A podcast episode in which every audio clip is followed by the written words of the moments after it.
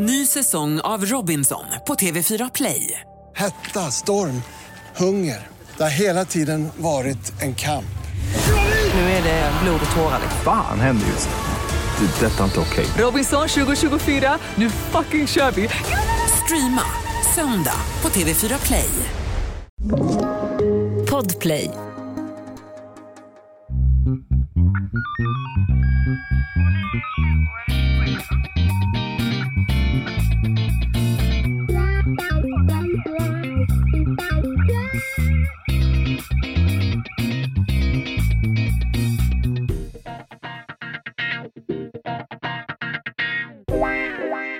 Välkomna till krimpoddarnas krimpodd Över min döda kropp med mig Lena Ljungdahl och Anna Jinghede. Vilken energi, Lena! ja, det är Valley of Death eh, och det är avsnitt 327 Ja, och det är ett avsnitt som Anna ska sitta och rodda vilket är superintressant med tanke på att du har ingen röst idag. nej, den är lite skräpig, men jag kommer att prata med ett uttalat bukstöd de närmsta Ja. 45 minuterna eller något. Så hoppas vi att budskap skola gå fram ändå. Det hoppas vi. Och det du ska prata om är sadism och sexualsadism. Ja, precis. Det är ju... Det passar ju bra. Ja, ja, det gör det ju på något sätt. Framförallt så är det ju företeelser som man liksom hört talas om, tror jag, och som ibland lite slarvigt kanske eh, används i, i media och så när man pratar om avdömda fall och, och sådär. Men vi ska försöka reda ut vad det faktiskt handlar om. Det kommer vi göra och jag undrar om du kommer använda citat Ginghedes fikonspråk och nervösa falsett. är, är det den rösten du kommer prata med? Eh, nervös falsett. Ja, alltså så här, jag tänker att jag, jag lägger rösten där det går på stämbanden Ja. idag. Det får bli så. Och varför jag frågar det, det är för att vi har, det har kommit till vår kännedom att podden Över min döda kropp fick en helsida i DN Ja. i lördags. Ja, ja, nu kopplar jag. Ja, nu kopplar du. Ja, Mm. men jag är van. Ja. Bengt Olsson, krönikör i DN. Jag var nämligen på träning, jag var på dansklass och då var det en tjej eh, som jag dansar med som Ja. sa så här, eh, läste du DN i lördags? Jaha. Nej, det har nog inte hunnit så här. Alltså, eran podd var på en helsida och ni får rätt mycket skit. Ja, Och Ja, jag. Hörde bara podd, helsida, DN. Mm. Fan Mm. vad bra, eftersom jag är en, en, en sån person. det. Eh, fan vad gött. Eh, all PR är bra PR och så vidare. Och så Mm. gick jag hem och så slog jag upp DN och så sa hon så här, kanske inte att Anna ska läsa, sa då Sara till mig Mm. eftersom hon har plockat upp en del i podden hur vi liksom, så att säga, tar, tar oss an Mm, kritik. mm, just Så att det. säga, hur, hur, hur dåligt kan det vara, tänkte jag. Så då gick jag hem och läste. Och jag kommer ta lite olika fragment, för att jag läste den här innan jag då skickade den till dig, eftersom Ja. jag var då beredd på vad som komma skall. Ja. Eh, och så bestämde jag för att det här är inte dåligt. Eh, Nej, men det inte, ens heller. du kom fram Nej. till att det var dåligt. Nej. Så då är det fan i mig inte dåligt. Han har då börjat lyssna på vår podd och sen så beskriver han då det som vi har hört gång efter annan av er där ute, att det sker någon form av ny förälskelse där man äter, si, sover och skiter över min döda kropp och är på middagar och börjar meningar som, och då sa han så här, jag kunde inte sitta vid ett middagsbord utan att yttra en mening som började med, i den här snutpodden sa de att, så. Men ju mer han lyssnade efter ett långt tag så, så tyckte han att det liksom blev sämre och sämre. Men han var också inne på att det kanske var han själv som blev sämre och sämre och mer blev sur över att vi struntade i vad han hade att säga om ämnet och bara pladdrade vidare utifrån vårt. Ja, jag var. Jag funderade lite på det där. Eh, Alltså jag uppfattade hans text som, som liksom en tolkning av hur människor funkar i gemen när det handlar om relationer. Att man är nyförälskad, man tycker eh, en person eller personer är superhärliga och sen tröttnar man efter en tid. Det är ju inte jättekonstigt.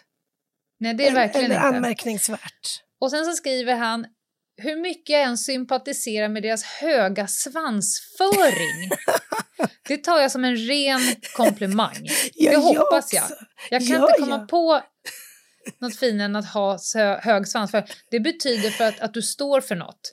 Om du Ja. inte står för något så faller du för vad som helst, som min kompis. Emil Jensen säger. Mm. Eh, så kan han inte, och nu kommer ju det själva taken, trots eh, liksom vår höga svansföring så kan han inte låta bli, han kan liksom inte hålla sig borta från de som vi kallar de snaskiga konkurrenterna som, som gottar sig i, i misären. Vi har ingen mer åsikt om det än att vi kommer inte gå den vägen på det sättet. Men vi vet ju att det är superpopulära poddar och det har ju gång för annan hänt att vi själva har lyssnat på Ja, vissa av de här avsnitten. Ja, ja. Ja. Men de, han pratar i alla fall om att de tar upp ett rättsfall och så, då kommer ju meningen. När jag föreställer mig hur det här rättsfallet skulle ha presenterats om du var med över min döda kropp så hör jag Jinghedes fikonspråk och nervösa falsett och Ljungdahls sprickfärdig av tillbakahållet skratt. Och då är punchlinen att det finns olika typer av kunskap där han Mm. menar på att vår kunskap, jag citerar, en hjärnans, hjärnans kunskap som är formulerad i faktastinna meningar. Tackar, tackar. Och sen har vi hjärtats kunskap med det som är lite göttigt och svårfångat. Och då tycker jag att det här, alltså när jag träffar Sara på dansen på onsdag ska jag säga det här, det här var ju för fan en hommage Ja, till ja, min ja. kropp. ja. Ja. Brukar jag prata i falsett? ja, jo men det gör du. Gör jag det? Fan vad speciellt ändå. Ja, men du går ju ofta upp i falsett när du Ja. är exalterad. Då blir det mer falsett och framförallt blir det mer närkingska Ja, ja, när du blir ja, lite, jag kommer hört. igång. Och det är väl bara gött, tänker jag. Vad kul.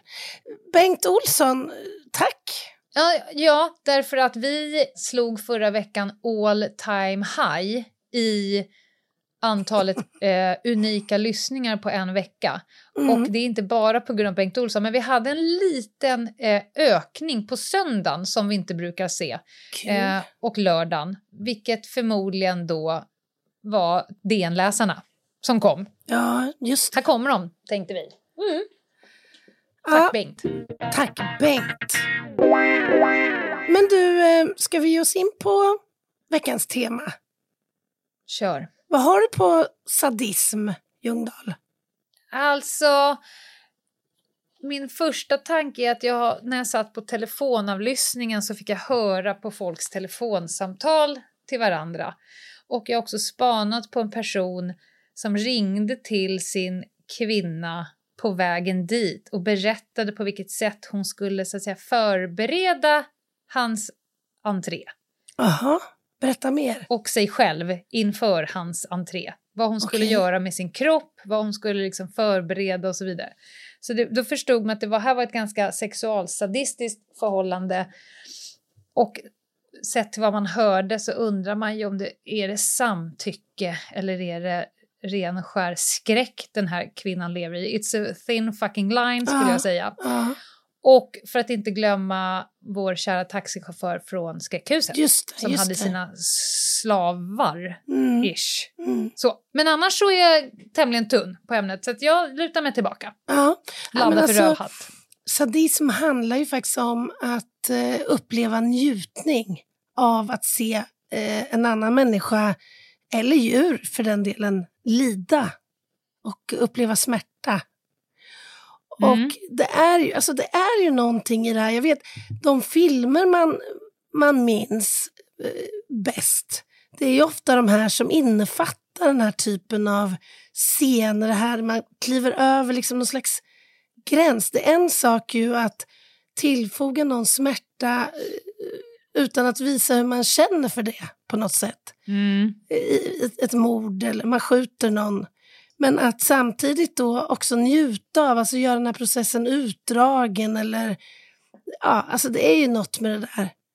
Då ska man ner i de mörkaste, mörkaste avgrunderna på något sätt för att förstå de beteendena. Historien kring begreppet stammar från faktiskt slutet av 1700-talet, början på 1800. Eh, efter då författaren, jag tror han var filosof också, eller eh, anses ha varit det i alla fall. Och jag är ju inte fransktalande. Marquis, Nej. Marquis de Sade kanske? Eller Sade, jag vet inte. Ja, är det en liten f- f- Nej, på det är ju inte det, Nej, då alltså. är det sad. Sade, ja. ja. Mm. Han var ju då författare som sagt och skildrade, han, han var ju liksom före sin tid lite grann. Han, eh, han skildrade sexuellt våld i sina eh, böcker och eh, skrifter. Och det ska sägas att han också fick avtjäna eh, många år i fängelse på grund av att han hade utsatt kvinnor för tortyr och misshandel. Så kanske var den här, eh, de här beskrivningarna ett uttryck för hans egna eh, perverterade persona eller så. Ja. Eh, och han, han dömdes till eh, dödsstraff i, med, i giljotinen. Men hur det än var så, så introducerade han då i slutet av 1700-talet ändå eh, liksom konceptet sexuell eh, njutning men också kopplingen till våld. Eh, och därav då namnet sadism. Mm. Okej. Sen brukar ju sadism ibland knytas ihop med du vet, sadomasochism. Yes. Och om då sadism är att uppleva njutning av att tillfoga en annan människa smärta så handlar ju masochism av att själv njuta av att utsättas för smärta. Eh, Om vi också då kopplar på eh, begreppet, eh, liksom, eller så här, om vi knyter sadism till sexuella handlingar, för vi pratar ju ofta om sexualsadism. Där handlar det ju då eh, om att individer har fantasier eller utövar handlingar eller har beteendemönster då som handlar om att eh, orsaka smärta och lidande eller förnedring i syftet att uppnå en sexuell njutning eller sexuell upphetsning. Och sexualsadism hanteras som en parafili. Du vet, vi har pratat om sexuella avvikande beteendemönster, parafilier. Vi har ju nekrofili, alltså lusten att ha sex med en död person. Zoofili är ju djur. Klysmafili, vet du vad det är? Nej. Det, det är så att säga sexuell njutning av lavemang.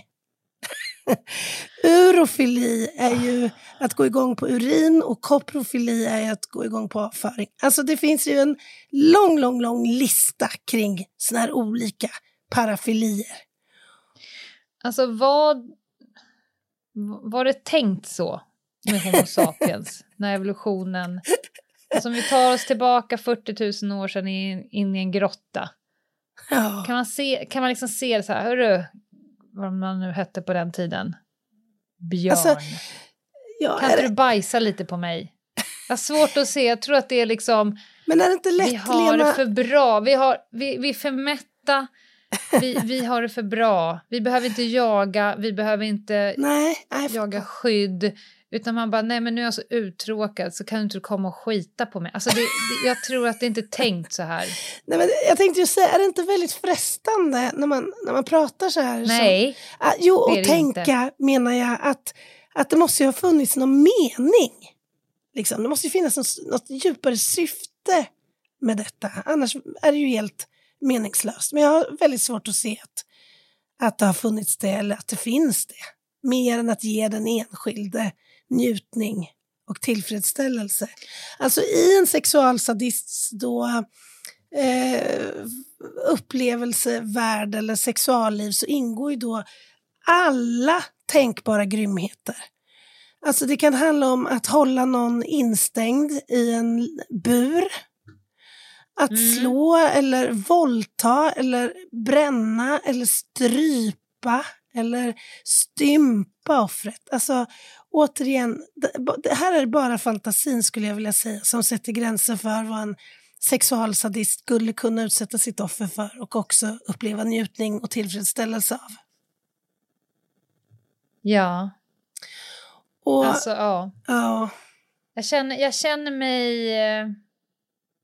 Jag känner mig föraktfull. Full. Ja. Alltså, ja, jag, jag, jag försöker se mig själv som en vidsynt person Mm. utifrån...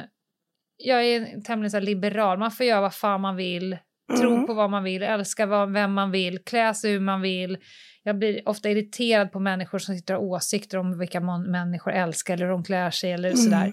Mm. Men här känner jag ändå att mig som en ganska dålig person. Jag känner mig så här föraktfull. Ja. Enligt survival of the fittest. Ska inte den här jävla kategorin människor typ dö ut? Alltså vad...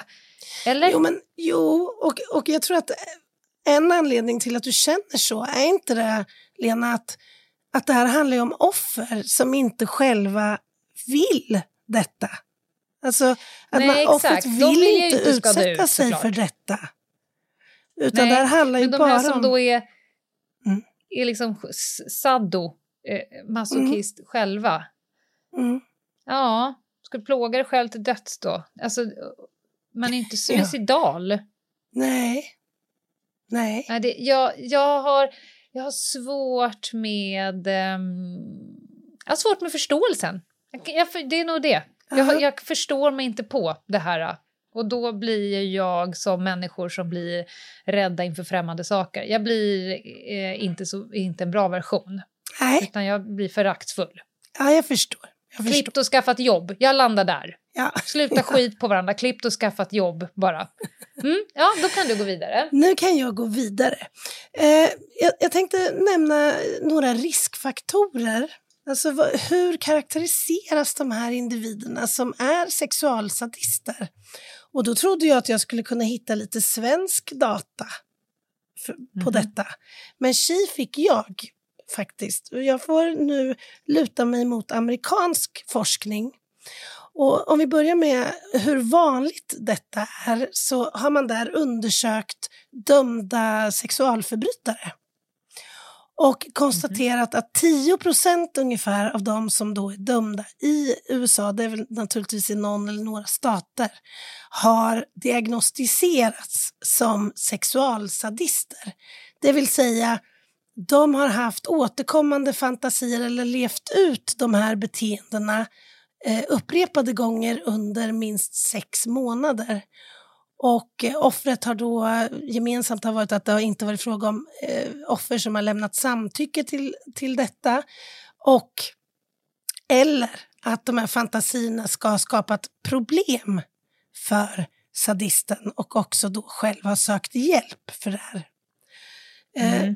och eh, tittar man istället på dömda sexualmördare, det vill säga människor som mördar med sexuella motiv, ja, då finns det forskning som, som landar någonstans mellan 37 och 75 procent. Att så många har så att säga ett sexualsadistiskt syndrom som, som liksom driver dem i, eller störning kanske är mer rätt att säga, som driver dem i eh, gärningen.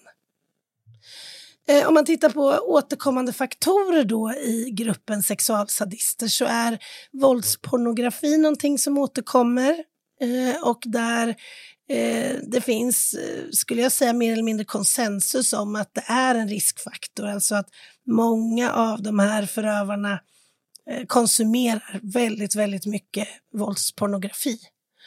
Det debuterar ofta i sena tonåren.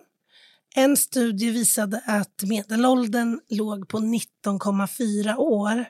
Så att det här är ju Oj. då, ja, eh, det är ju Oj. ändå förhållandevis tidigt i livet får man väl säga. Trots allt. Men, Mång- vänta, va? Ja. Vad är det som är tidigt? Ja men alltså, jag tycker så här att, att du ska ha kommit dit hän på din eh, så här, vålds... Eh, eller leva, leva ut beteenden eh, skala vid 19 år så att du utsätter människor för Jaha. stympningar och eh, Ja, klipper ja, ja. bröstvårtor och när du liksom... Vid 19,4, det är tidigt. När du sa de har debut i sen tonår, då trodde jag att, de har, att du gjorde en koppling till sexualdebut. Aha, nej. Nej, och nej. att du tyckte 19,4 var tidigt. Nej. Det var därför jag sa lite oj. Ja, det Nej, förstår Okej, det är alltså debuten i det, det sadistiska. jag. Ja. Precis. Okej, För det är jag- tidigt. Det Jag jag inbillar mig ändå att det här skulle vara liksom av eh, lite eskalerande karaktär. Att man kanske inte börjar med att eh, bränna någons underliv eller vad vet jag, vad man gör, stryper. De är också, många är ju empatistörda i meningen att man, man förstår att offret lider av det här som man utsätts för. Men samtidigt så, så njuter man ju av att se och uppleva lidandet, så att säga. Det är, anses vanligare bland män än bland kvinnor, men även kvinnliga sexualsadister förekommer. De skiljer sig dock lite från männen i eh, meningen att de ofta har en medförövare, en eh, liksom eh, medgärningsman helt enkelt. Mhm. Och inte sällan så är eh, kvinnliga sexualsadister omsorgspersoner till sitt offer. Det kan vara en gammal människa eller ett barn eller någon annan. Och sen finns det då ett antal föreslagna orsaksfaktorer som man tänker sig skulle kunna bidra till förståelsen om hur de här individerna är beskaffade.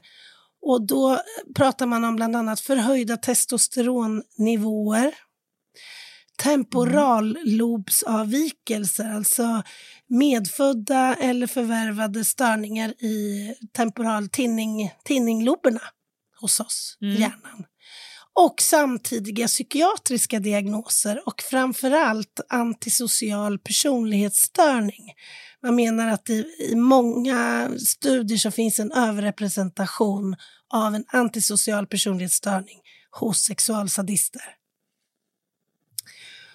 Och nu sitter kanske några och funderar på, men vad då? det här BDSM då, det, där handlar det ju om att utsätta varandra för smärta och plågsamma eh, saker.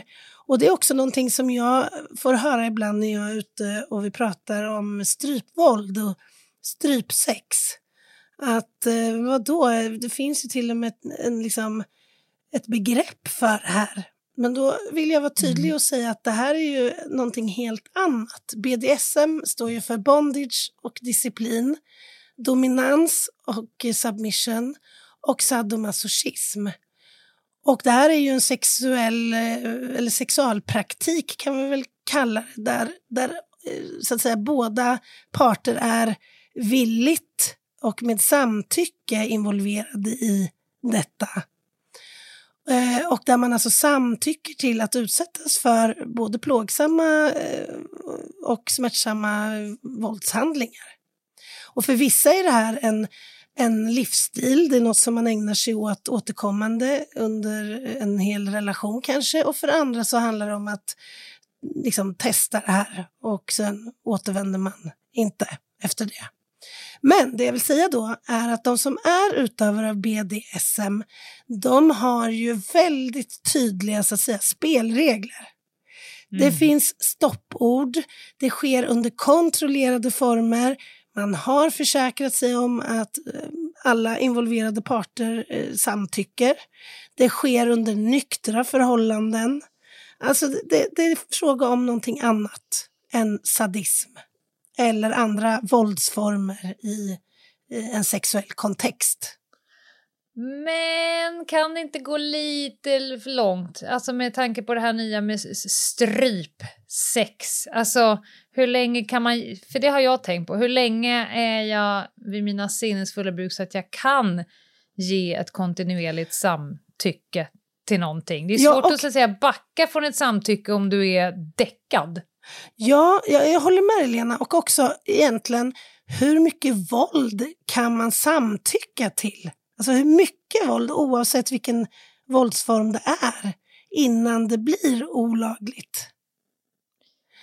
Och- ja, för att ja. i... Det här har vi pratat om i tidigare eh, avsnitt. Det här Mm. med assisterat självmord. ja, just det. Eh, det, finns ju en, det finns ju en bortre gräns för hur mycket eh, våld, oavsett våld man kan göra mot en annan person. Dör personen, då det finns inte ett sånt samtyckesvåld i... Men så här, man man Ja. kan ju så att säga samtycka till, alltså om man ska översätta det någon slags juridisk mening. Och där tror Mm. jag det finns både praxis och konsensus kring. Alltså ringa misshandel eller möjligen Ja. misshandel av normalgraden. Men du kan ju Mm. aldrig samtycka till att, så att säga, strypas till döds eller strypas till komplikationer som resulterar i ett liv i rullstol. Eller, förstår du vad jag menar? så här, man kan samtycka till det. Det kan man absolut göra, men personen kommer inte vara under ramen för ansvarsfrihet. Just det. personen kommer kunna bli dömd för Mm. grov misshandel eller vad det nu är, trots att en person har uttryckt sitt samtycke för att det finns en för stor mängd våld i det hela. Mm. Man kan ju ge samtycke, men du, du, är liksom inte, du har inte frisedel. Det finns en bortre gräns för hur mycket våld man kan samtycka till. Ja, bra sagt. Jag skulle vilja Men, prata lite... men ska säga, Ja. räck- vi behöver inte ta sex, utan det är bara att kolla på MMA. De samtycker till jävligt mycket våld. Ja, ja men eh, verkligen. Och, och MMA är en sak, men ta, kan gå ner till vilken random hockeyarena som helst egentligen. jo tack. Mm. Det här ska vi prata mer om, Lena. Det är intressant. Men vi tar en liten paus först. Poddtips från Podplay. I podden Något Kaiko garanterar östgötarna Brutti och jag, Davva, dig en stor dos skratt. Där följer jag pladask för köttätandet igen. Man är lite som en jävla vampyr. Man har fått lite blodsmak och då måste man ha mer. Udda spaningar, fängslande anekdoter och en och annan arg rant. Jag måste ha mitt kaffe på morgonen för annars är jag ingen trevlig människa. Då är du ingen trevlig människa, punkt. Något Kaiko, hör du på Podplay. Därför är Välkomna tillbaka till krimpoddarnas krimpodd över min döda kropp. Eh, och idag pratar vi om eh, kroppar som inte är helt döda, men där människor av olika anledningar jobbar för det.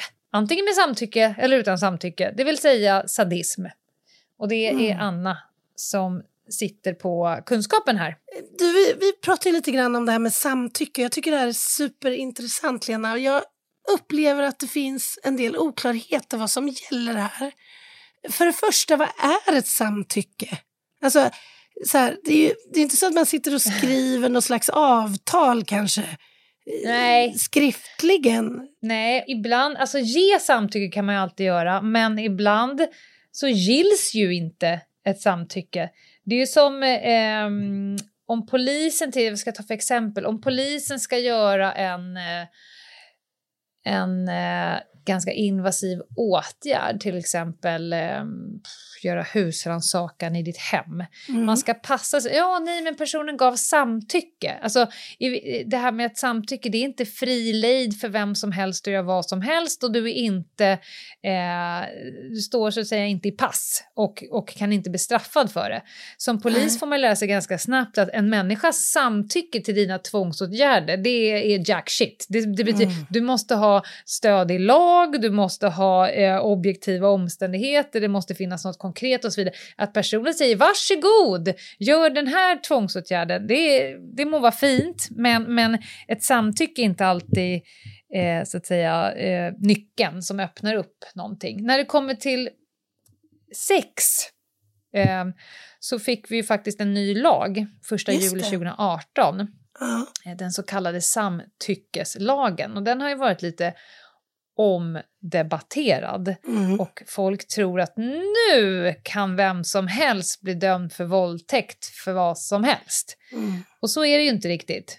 Vi har ju faktiskt samma be- beviskrav gällande våldtäkt som alla andra. Eh, eh, som vi har ett rättssystem och i domstolarna så har vi en viss typ av beviskrav. Mm. Eh, men den här lagändringen kom med då, den bygger på principen att sex skall vara frivilligt i grunden i den svenska sexualbrottslagstiftningen. Och allt sex där den ena par- parten inte medverkar frivilligt är därmed en våldtäkt. Mm. Och eh, att ett samtycke kan inte ges under press, det kan inte ges under tjat. Eh, ett samtycke gills i princip bara om det där jat lika gärna kunde ha blivit ett nej och att Mm. det inte hade eh, gett, blivit något mer. Så nej, okej. Eh, om, det, man mals ner till ett ja eller pressas till ett Mm. ja eller något sånt där, då är det inte ett ja. Och Eh. samtidigt, det här är ju så förbannat svårt att visa. Så här, det, är Mm. det handlar ju ofta om ord mot ord-situationer. Jo, men Mm. hon ville att jag skulle strypa henne till medvetslöshet eller slå henne på rumpan. Eller, och, och hon säger nej, det vill jag absolut inte vara med på. Nej, det kan väl lugna med att vårt rättssystem bygger på hellre fria än fälla, om man nu blir lugnad av det. Men, men ni ska inte tro att det kastas in massa oskyldiga dömda i svenska fängelser. Det är många fler skyldiga som går på stadens torg och gator. Däremot händer det ju givetvis att oskyldiga eh, personer blir dömda, men det är enormt ovanligt för att vi har så höga beviskrav i Sverige, även för våldtäkt, även efter samtyckeslagen. Det krävs oftast stödbevisning.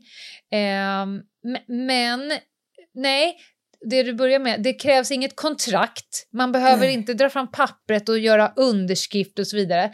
Men man ska eh, få samtycke till sex. Alltså om du är osäker får du ju då fråga, känns det bra? Ja. Eh, och att du säger ja till en sak betyder inte att det samtycket går att användas till flera handlingar. Du Bra kanske poäng. tackade ja och tyckte det var toppen med att gå hem och toppen Mm. och hångla, toppen och dricka tre glas rödvin.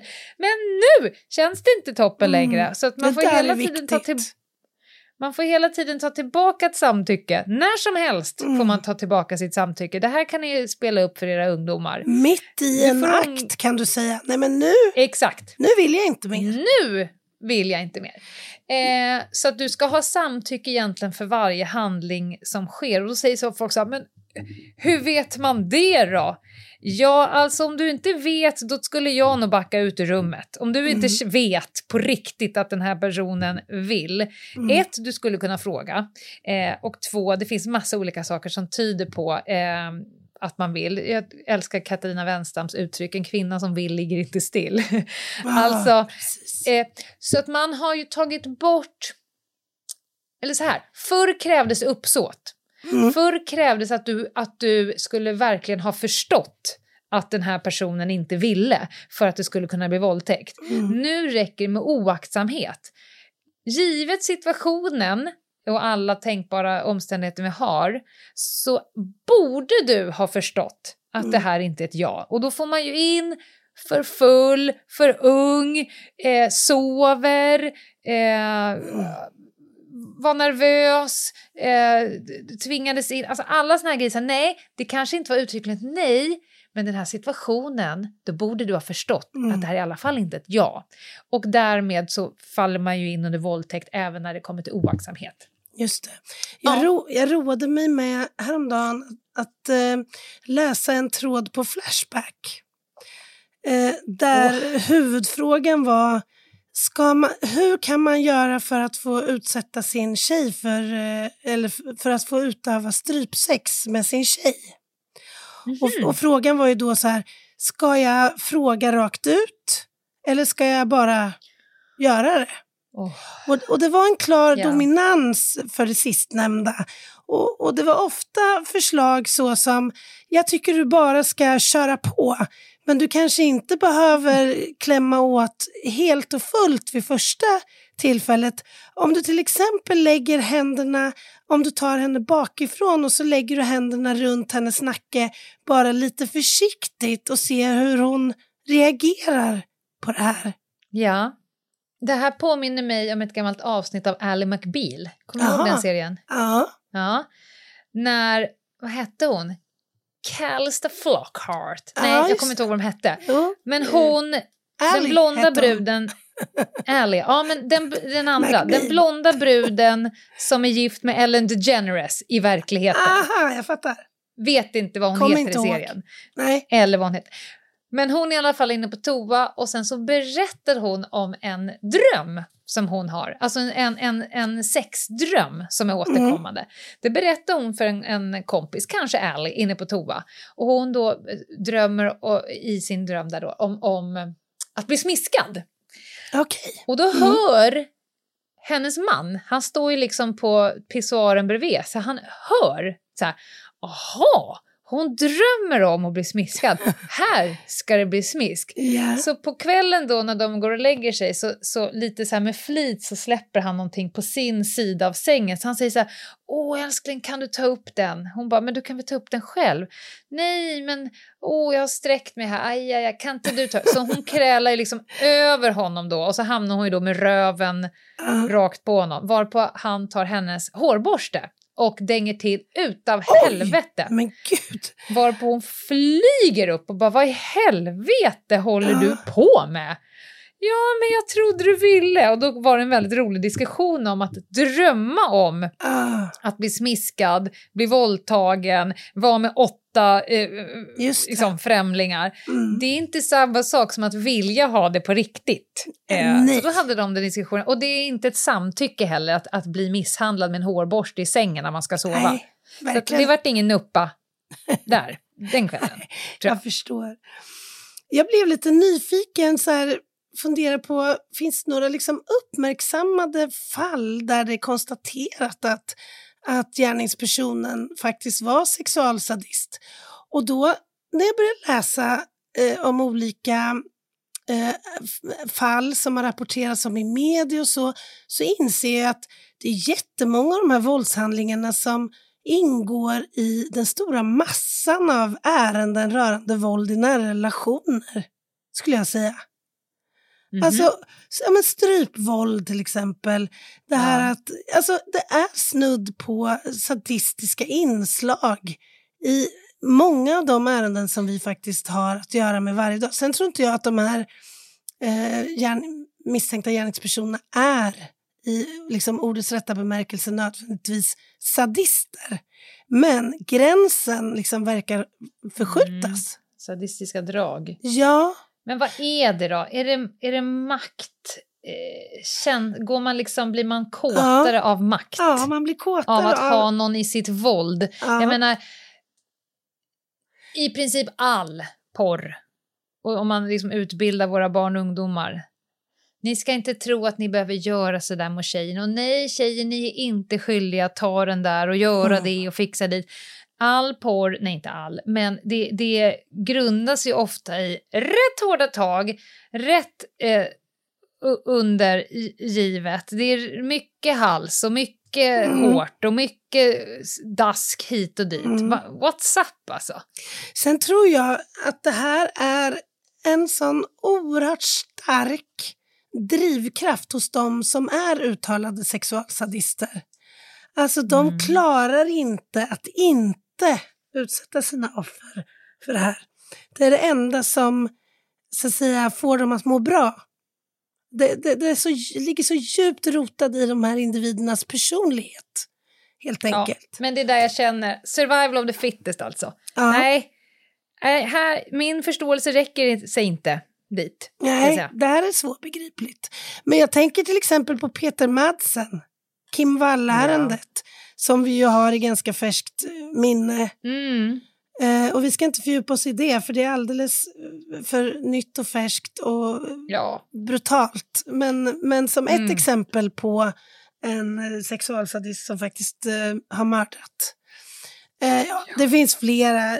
Darius Ledzion eh, sitter ju på rättspsykiatrin i Växjö, tror jag. Han har ju omnämnt som en av Sveriges värsta sexualmördare och har våldtagit flera kvinnor och utsatt dem för diverse brutala gärningar. Men jag ville eh, liksom komma ner och få det lite mer konkret. Vad är det de här männen i de här fallen utsätter sina offer för? Och då hittade jag dels ett ärende från 2017 och där är det en bil eh, med parkeringsvakter som blir stoppade en dag när de är ute och, och jobbar. Det är en ung kvinna som kommer springandes rätt mot bilen och hoppar in i baksätet och skriker kör, kör, han är efter mig, han är farlig. Och hon har då ett spädbarn i famnen och de har inte eh, ytterkläder på sig så att de här parkeringsvakterna hinner ju uppfatta att det här är skarpt läge så att säga. Och då visar det sig då att den här kvinnan lever ihop med en man som vid tidpunkten var villkorligt frigiven från ett sjuårigt fängelsestraff som han hade tilldömts efter att bland annat ha bundit fast en kvinna och skurit sönder hennes underliv med rakblad innan han våldtog Ja. henne. Och eh, det framgår Innan också... han Innan henne. han våldtar henne, ja precis. Och det framgår också i, sen vid förhandlingen att förhörsledaren som är kallad att vittna, hon beskriver att hon aldrig någonsin under sin polisiära tjänst har sett en sån omfattning av skador på ett levande brottsoffer som på den här kvinnan. Så hon är alltså ut, utsatts eh, över tid, timmar i alla fall, den här, vid sista tillfället för ett enormt mycket eh, våld. Polisen åker ut för att gripa den här sambon, men han var spårlöst försvunnen. Men han kommer sen några dagar senare att eh, inställa sig eller anmäla sig, helt enkelt. Han dömdes, eh, den här mannen, på nytt. Och det som framgår av domen då är att han dö- döms bland annat för misshandel av kvinnan med bälte och eh, då metallspännet på eh, bältet. Att, att han då ska ha hållit fast henne när hon ammar deras lilla barn, särat Mm. hennes ben och slagit henne med bältet och metallspännet mot hennes ben och mot hennes underliv När hon ammar barnet. när hon ammar deras barn. Och några dagar innan hon lyckas fly så har han lagt ett bälte runt hennes hals för att sen dra henne då bakåt. Här har han bokstavligen talat hennes liv i sina händer. Om inte det är en maktdemonstration då vet jag inte vad som är det. Sen har han då hängt upp henne i en eh, träningsstång, du vet en sån här kindstång som har suttit i en dörröppning. Mm. Och där har hon då hängt fritt med benen. Och när han eh, konfronteras med eh, de här uppgifterna så hävdar han ju då att hon skulle ha gjort det här själv. Att hon frivilligt skulle ha valt att hänga sig i den här Mm. stången. Det som händer är att hon till slut förlorar medvetandet och ramlar ner eh, på golvet så hon överlever ju det här våldet. Men han erkänner i princip ingenting mer än det allra, allra lin lindrigaste om man får uttrycka sig så. Örfilar, knuffar och, och annat. Men han menar att det här har varit överenskommet. Vi har, det har funnits Mhm. ett uttalat... Ja, det fanns eh, ett samtycke. Just det, just det. Och Ja. eh, hängningen, hängningar som har skett i den här dörrposten, det har varit fråga om eh, sex, en sexlek. Som han kallar för då, ehm, ja, alltså det har varit strypsex. Och, och våldtäkterna som han eh, ställs inför rätta för, det har varit fråga om en annan variant av sexleken. Rape play. Och han har överhuvudtaget inte uppfattat att det här har varit mot kvinnans vilja. Jag skulle säga att det här är nog ett typexempel där, säg att hon skulle, att hon sitter och vittnar om Ja. Att det var samtycke, jag har samtycke till det här, till varje gärning och så vidare. Här tror jag att det ett typexempel där rättsväsendet skulle säga så här, nej, vet du vad? Det går inte att samtycka till det här. Exakt. Då, det, Exakt. kommer mer, det, det är mer risk att hon kommer att åka in på tvångs, på psyk. Exakt. Du är inte vid dina sinnesfulla bruk. Och säg att du tror att du samtycker det här. Mm. Då kommer vi som samhälle nu eh, tvångsvårda dig. Eh, därför att det går inte att samtycka till det här. Vi har bestämt oss, hit men inte längre. Det här är nog ett sånt exempel. Jag har jävligt svårt att se att rätten bara, ja, ja, ja, ja, du var med på det med barnet där, ja, ja, ja. Då hade man tagit barnet på LVU, på DIR och sen hade Ah. man tagit henne eh, på psyk. Men det och här, han kastade in i finkan. det är det här som blir så absurt också. För att jag, jag vet fler exempel på där kvinnor har samtyckt till eh, strypsex till exempel. Eller spanking. Eller ja, men, det som skulle Mm. kunna uppfattas som våldshandlingar. De har gått med på det eller de har Ja. vel- och eller de har velat det. Och då Eh. kan ju de inte längre hävda att Nej. eh, hur skulle jag förstå att hon inte ville när hon sa att hon ville? Exakt. Då, kommer ju, då täpper vi till med nya lagen. Du borde ha förstått att människor vill inte bli hängda Precis. i ett eh, eh, stång. Det borde du ha förstått även om hon sa Ja. att hon jättegärna vill det. Så Ja. nu blir det tillbaka, nu blir det raka vägen till fängelset för dig. I alla fall, han dömdes till fyra år och sex eh, månader för Men våld. fyra Ja. år! Ja, Anna! ja, jag vet. Men du ska få höra här, för han får en straffskärpning nämligen. Han döms för våldtäkt, två fall av grov misshandel, grov f- eh, kvinnofridskränkning som ju då innefattar ett antal så att säga, lagrum samt Mm. dop, dopningsbrott. Eh, men det ska också sägas att 2009 då så, så dömdes han till fem års fängelse för eh, en massa eh, innan? liknande eh, brott. Så att han Mm. får ju då, eh, och, och då 2009 så fick han straffskärpning till sju år. Och det var också våldtäkter och eh, grova eh, våldtäkter och liksom lite samma modus. Han har skurit eh, sin sambo med rakblad. Han har bundit fast och bränt hennes ena bröstvårta och Ja. skrubbat den här skadade kroppsdelen med borstar. Alltså du vet, det är så här helt bisarra saker. Jag kan dra, vi fick ett mejl, vi får ju ibland mejl av er. Ja. Och då var, det en, då var det en som skrev så här, nej men jag, för det var en snubbe, jag har suttit och funderat med mina kollegor. Vi Mm. har rent mjöl i påsen, vi vill ingenting. Så han bara, skulle man inte kunna chippa Ja. alla kriminella? Alltså jag kan nog förstå var det kommer ifrån och ja, det hade underlättat. Så här, vi chippar honom, säg att vi ska chippa den här personen. ja. Nu, det, det går inte riktigt ihop med våra grundlagsskyddade rättigheter och det är inte riktigt hygien för en, en, liksom en fungerande rättsstat. Men jag fattar verkligen och det hade varit ganska gött att chippa honom. Ja, så varje faktiskt. gång han klev ut så bara hej, jo, skulle bara säga, är det här din nya tjej? Ska bara ta och prata lite med henne i en rum här en liten stund. Mm. Bara en liten, liten stund. Sen kan du få fortsätta middagen här.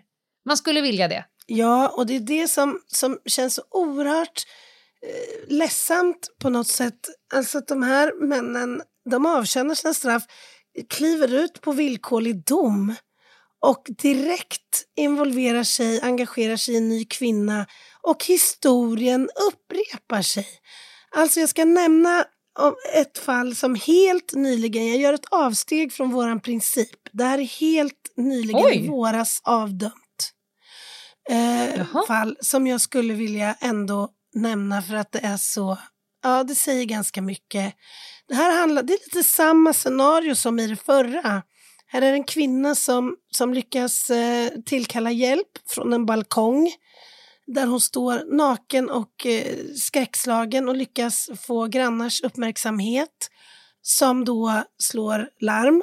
Polis kommer dit, eh, griper den här pojkvännen och målsägaren berättar då att hon har suttit inlåst eh, under den här natten, våldtagits och utsatts för alltså ett tortyrliknande våld. Bland annat så har han Mm. sp- sprutat chilisås i hennes ögon så hon inte kan se. Och sen då för att på något sätt hjälpa henne så spolar han vatten över henne så att hon istället inte kan andas. Han har Mm. tvingat henne under natten att krypa i glas, rulla sig i glas.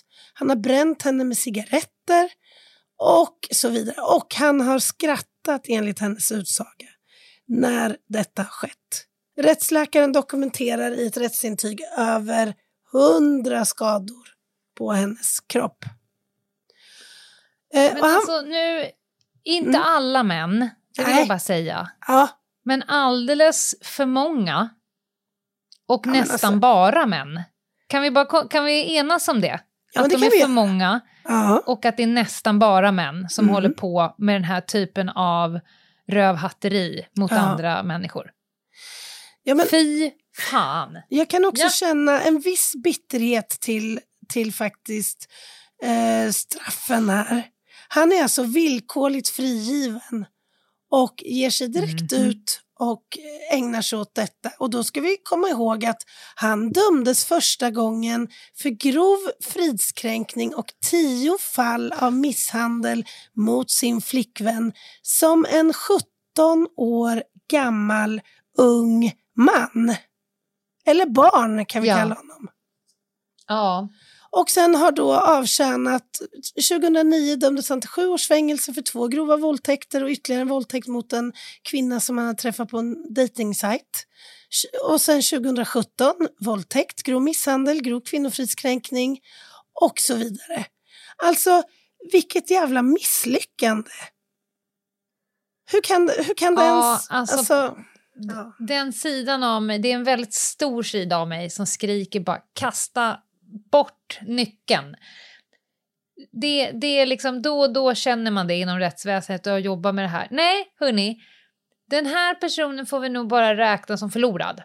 Sluta upp med vården bara. Kasta bort nyckeln. Ja. Tack, next. Men- Så, så känner jag. Sen så fattar jag på intellektuell nivå och på så här, nej så kan vi inte ha det.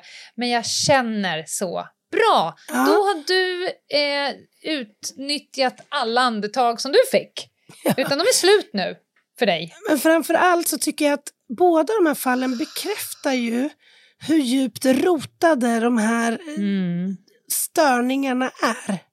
Alltså de hur här drifterna. kreativa de är i sättet att skada andra människor. Bara komma på och spruta Ja. chilisås i en persons ögon. Det, Nej, det det, är sinnessjukt. nej. Ja. Vi ska gå på en, en sista paus och när vi kommer tillbaka Ja. ska vi knyta ihop den här eh, säcken. ja. Poddtips från Podplay. I podden Något Kaiko garanterar östgötarna Brutti och jag, Davva, dig en stor dos skratt.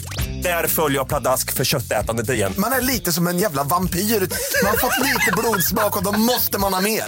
Udda spaningar, fängslande anekdoter och en och annan arg rant. Jag måste ha mitt kaffe på morgonen för annars är jag ingen trevlig människa. Då är du ingen trevlig människa, punkt. Något Kaiko, hör du på Podplay. Därför är gardinerna.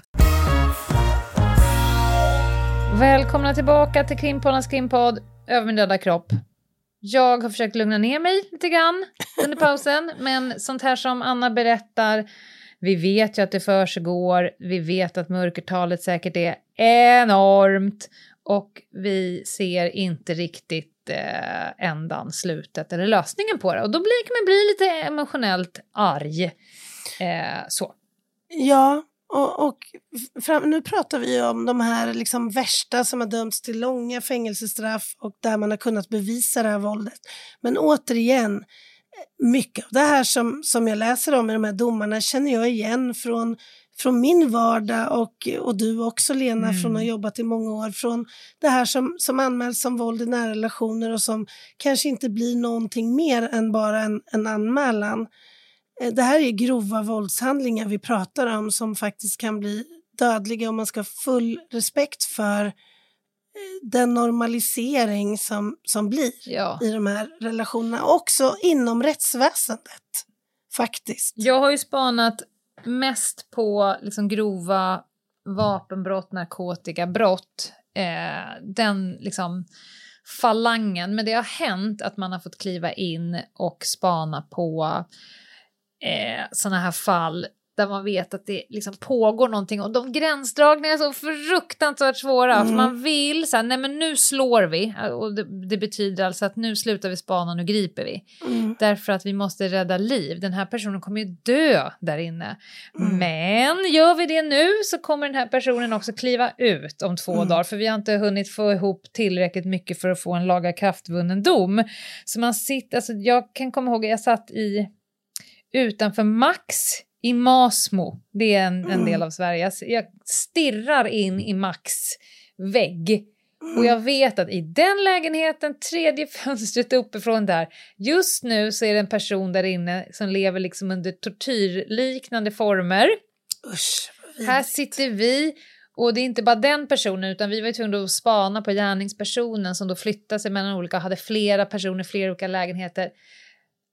Jag kände jag så här, tänk om jag skulle typ råka bara köra över honom. Mm. Alltså, nu gör man inte det, men det är ändå de, det är de mörka tankarna Mm. som vaknar i en. Om jag bara typ skulle så här, råka lägga i backen när han kommer ut och bara, nej men oj, var du där? Ah. Alltså lite som Reuter skog, man åker en extra dunk-dunk.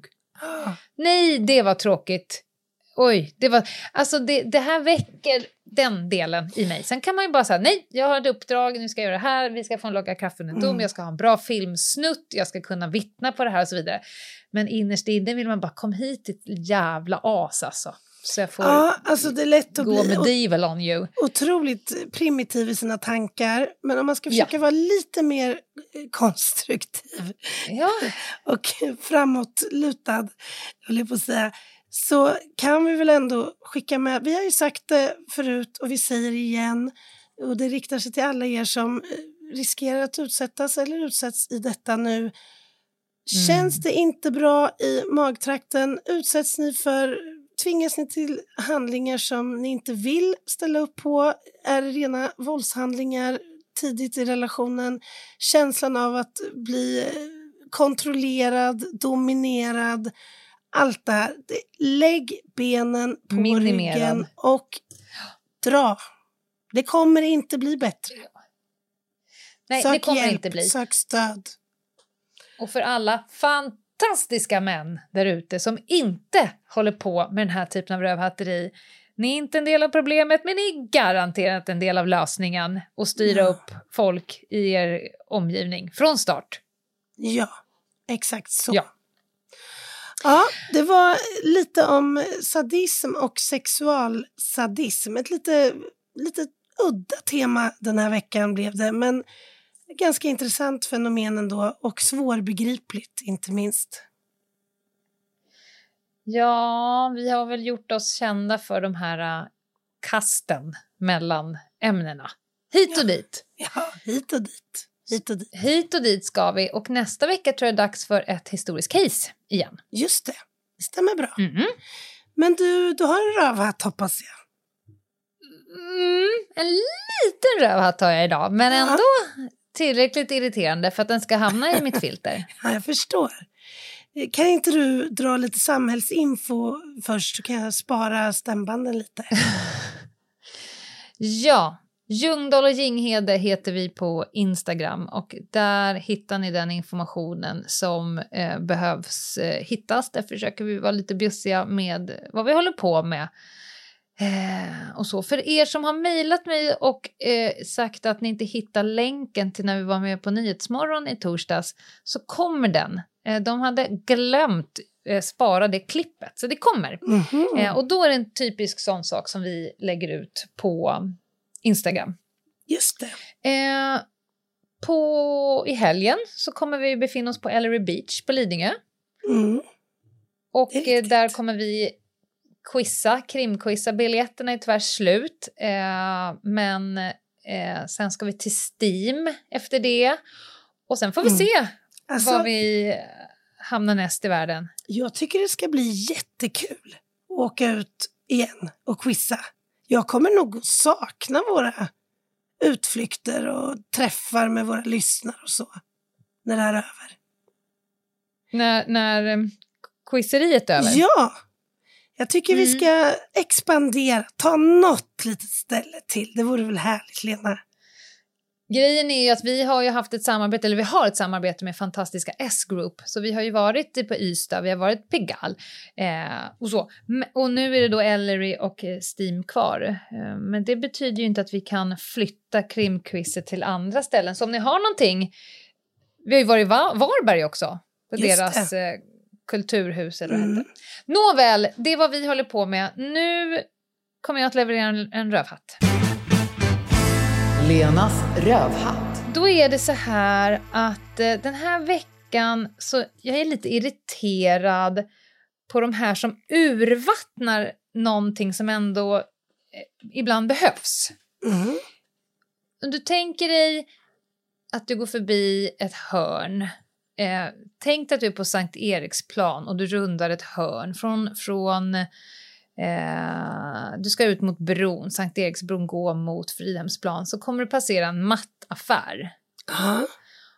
Och de har ju haft utförsäljning på grund av att butiken ska tömmas och stängas. Det har ju de ju haft sedan 1632. Och det kanske Fattar, De funkar. drar ut på det, så att säga. Ja, men det kanske funkar. Eh, därför att om du för första gången passerar den mattaffären så kanske du tänker Hörru Gunnel, vi måste Just passa det. på att handla eh, röllakan precis idag för Just det. imorgon kommer skiten Vi måste stänga. skynda Men- oss. Ja, men för oss stockholmare som har bott här i 46 år, bara nej, nej, nej, nej, nej, nej, nej. Och då, eh, idag så eh, har jag suttit rätt mycket i telefon. Och det är också ett system som känns lite urvattnat när man ringer och man får det här eh, just nu har vi hög belastning. Det kan inte alltid vara, för nu har jag testat. Jag har testat att ringa liksom måndag Olika tider. 8.00. Ja. Okej, Ja. det kan vara hög belastning för då har alla suttit och väntat under helgen. Då testar jag onsdag lunch, Mm. liksom 12. Fortfarande hög belastning. Jag testar fredag 17.59, alltså en minut innan. Just det. Och är det så, era jävla rövhattar, att ni ha, lyckas ha hög belastning 100% av era öppettider. Och hög belastning är så här, så du kan, hög belastning betyder i det här fallet att jag kan inte ens vänta kvar i kön, utan de säger Just du får ringa vid ett senare tillfälle. vore, vore det inte mer smakfullt om, om de sa typ så här, precis som igår så har vi låg kundservice. På grund, Exakt. Ja, Ja, det hade varit det var, det var ett av mina förslag Ja, som jag hade på lösning, att vara helt transparent med hur jävla odugliga ni är ja, på kundservice. just det. Eh, därför att det kan inte vara hög belastning 100% av tiden. Det kan inte vara det så pass länge innan ni tänker så här, hörni, vi har lite lägre leveranskapacitet än, än efterfrågan. Då skulle man ju behöva anställa eh, två till. Eller säga så här, eh, knappa in ditt nummer så kommer vi att ringa upp Ja, dig. det är snyggt det, räck, det räcker med att du säger vi Ja. kommer ringa upp dig Ja. innan sista december 2025. Jag är nöjd med det. Det. För allting är bättre än Tyvärr, vi har hög belastning just nu. Så vi, och, och så säger de så här, telefonkön är typ full. Så att vi, du får försöka lite senare. Det, Ja. alltså, det är ju så bottenlöst irriterande. Jag tror inte att det är någon där. Därför att det kan Nej. inte finnas. Vem har kommit fram? Det är lättare för mig att köpa YouTube-biljetter på Tixter samma sekund som de släpps. Jag har lyckats köpa liksom biljetter till Gaga, eh, alla de här stora där man vet, Madonna, när man vet att biljetterna kommer ryka direkt. Mm. Det är lättare att komma fram på biljettförsäljarens hemsida precis när, när de liksom säljer guldet än att komma fram till en stadsburen, landstingsburen facilitet. Som har, vi har hög belastning just nu, telefonkön är full, du får ringa lite senare. Man Ja. bara, men säg ungefär när ni har lite mindre belastning så att jag Ja. att chansen. För jag kan inte lägga en arbetsvecka på att försöka Nej. Ställa mitt nummer i kön. Precis, och det sjuka är att det där har ju hänt mig också naturligtvis. Och då tänker jag så ja men de där jävla... Nu kommer jag leta upp en mejladress, sen kommer jag skriva mitt ärende och sen kommer jag kräva ett svar. Det, Ja. det jävla det går inte. Nej.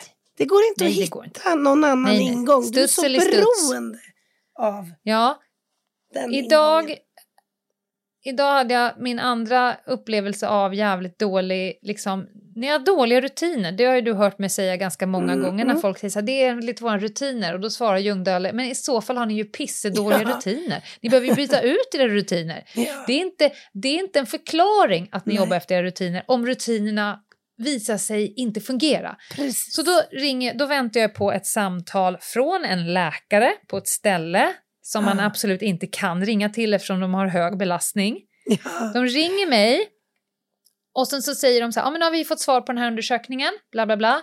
Och så säger jag någonting, då säger hon, ja men vi ska sätta oss och diskutera vid rond, bla bla bla, hur vi ska göra. Jag ringer upp dig. Och då säger jag så här, när kommer ni ringa Ah. upp mig? För jag är inte en person som sitter och stirrar på min Nej. telefon nu i åtta timmar. Utan om du bara säger när, då kommer jag ställa in allt. Mm. Alltså, jag kommer mitt i en föreläsning med 700 personer säga så här, hörni, nu ska jag gå och ta ett telefonsamtal, Mm. punkt. Nej, nej, det, det vet vi inte. Och mycket riktigt så ringer de ju då mig 16.03. 16.03 står jag på Medborgarplatsen 4 och föreläser för Kunskapsskolans alla människor. Eh, ser ju inte att det ringer då. Nu kommer det. Då går jag ut. Jag ser att jag är uppringd av 08 123 Ah. någonting, någonting, någonting. Ringer det numret och då kommer en röst blixtsnabbt och säger Nej. du har blivit uppringd av ett telefonnummer från Stockholm, typ Region Stockholm. Åh, Vi kan inte på något sätt Nej. hänvisa det här numret. Vi vet inte vem som har ringt dig eller varför. Klick. fan, det är för dåligt. Jag får inte tag på dem igen då. Så nu ska jag då, vad är, vad är alternativet? Ja, det är att på måndag morgon börja om då. Hej, Ah. vi har hög belastning just nu, telefonkön är full. Skjut mig i hjärnan. Men jag kan också tycka att Gör det- processen kort. Ja, men där tycker jag också att vården har ett ansvar. Liksom, att faktiskt lämna kontaktuppgifter eller ringa tills man får tag i patienten. Ja, Eller? det vore fint. Ja, jag vet inte om de har, de har väl någon gammal Doro i något jävla linneförråd som de kan använda. Nej men alltså ska det vara så? Det är mitt liv. Ah. Det handlar om mitt liv, om min Ah. oro, mitt Ah. liv. Mitt, bara, kan jag få ett jävla svar? Vad kommer hända nästa steg? Allt är bara död end. Antingen så kommer man till en telefonsvarare som har hög belastning eller så ringer de retsamt upp när man absolut inte kan svara och så får man den här hej, då blir vi uppringda. Ja. Nej. Skärp er, ni är Ja. sämst på ert jobb. Och ni vet ju vad Ljungdahl tycker om människor som är dåliga på sitt jobb. Ja, det har ha ett framgått. annat jobb, förslagsvis. Ja, men bra rövhatt ändå. Jag tror att det är hög igenkänning på den här också. Det tror jag. Det är nog inte bara vården, det är Nej. nog alla delar där man är i beroendeställning till Ja. någonting. Exakt så. Där de inte tjänar pengar på att man ringer. Då går det Precis. inte att ringa. Nej, för det är ett incitament. Då brukar det inte ta så lång tid. Nej! Om det är Då går det hur bra som helst. Ja, För Visst. fan, då ringer de ju upp. Och gud, nu vet jag precis vad jag ska ha som rövhatt nästa gång. oj. LinkedIn, säger oj. jag bara. Ja, härligt. Mm. Det ser vi fram emot. Bra. Nästa vecka blir det historiskt case. Ja. Det är vad vi vet. Vilket det blir, det vet vi inte. Men det vet ni om en vecka. Och tills dess sköter ni er på alla sätt ni kan. Jajamän. Ha det bra. Bye, bye! Bye, bye.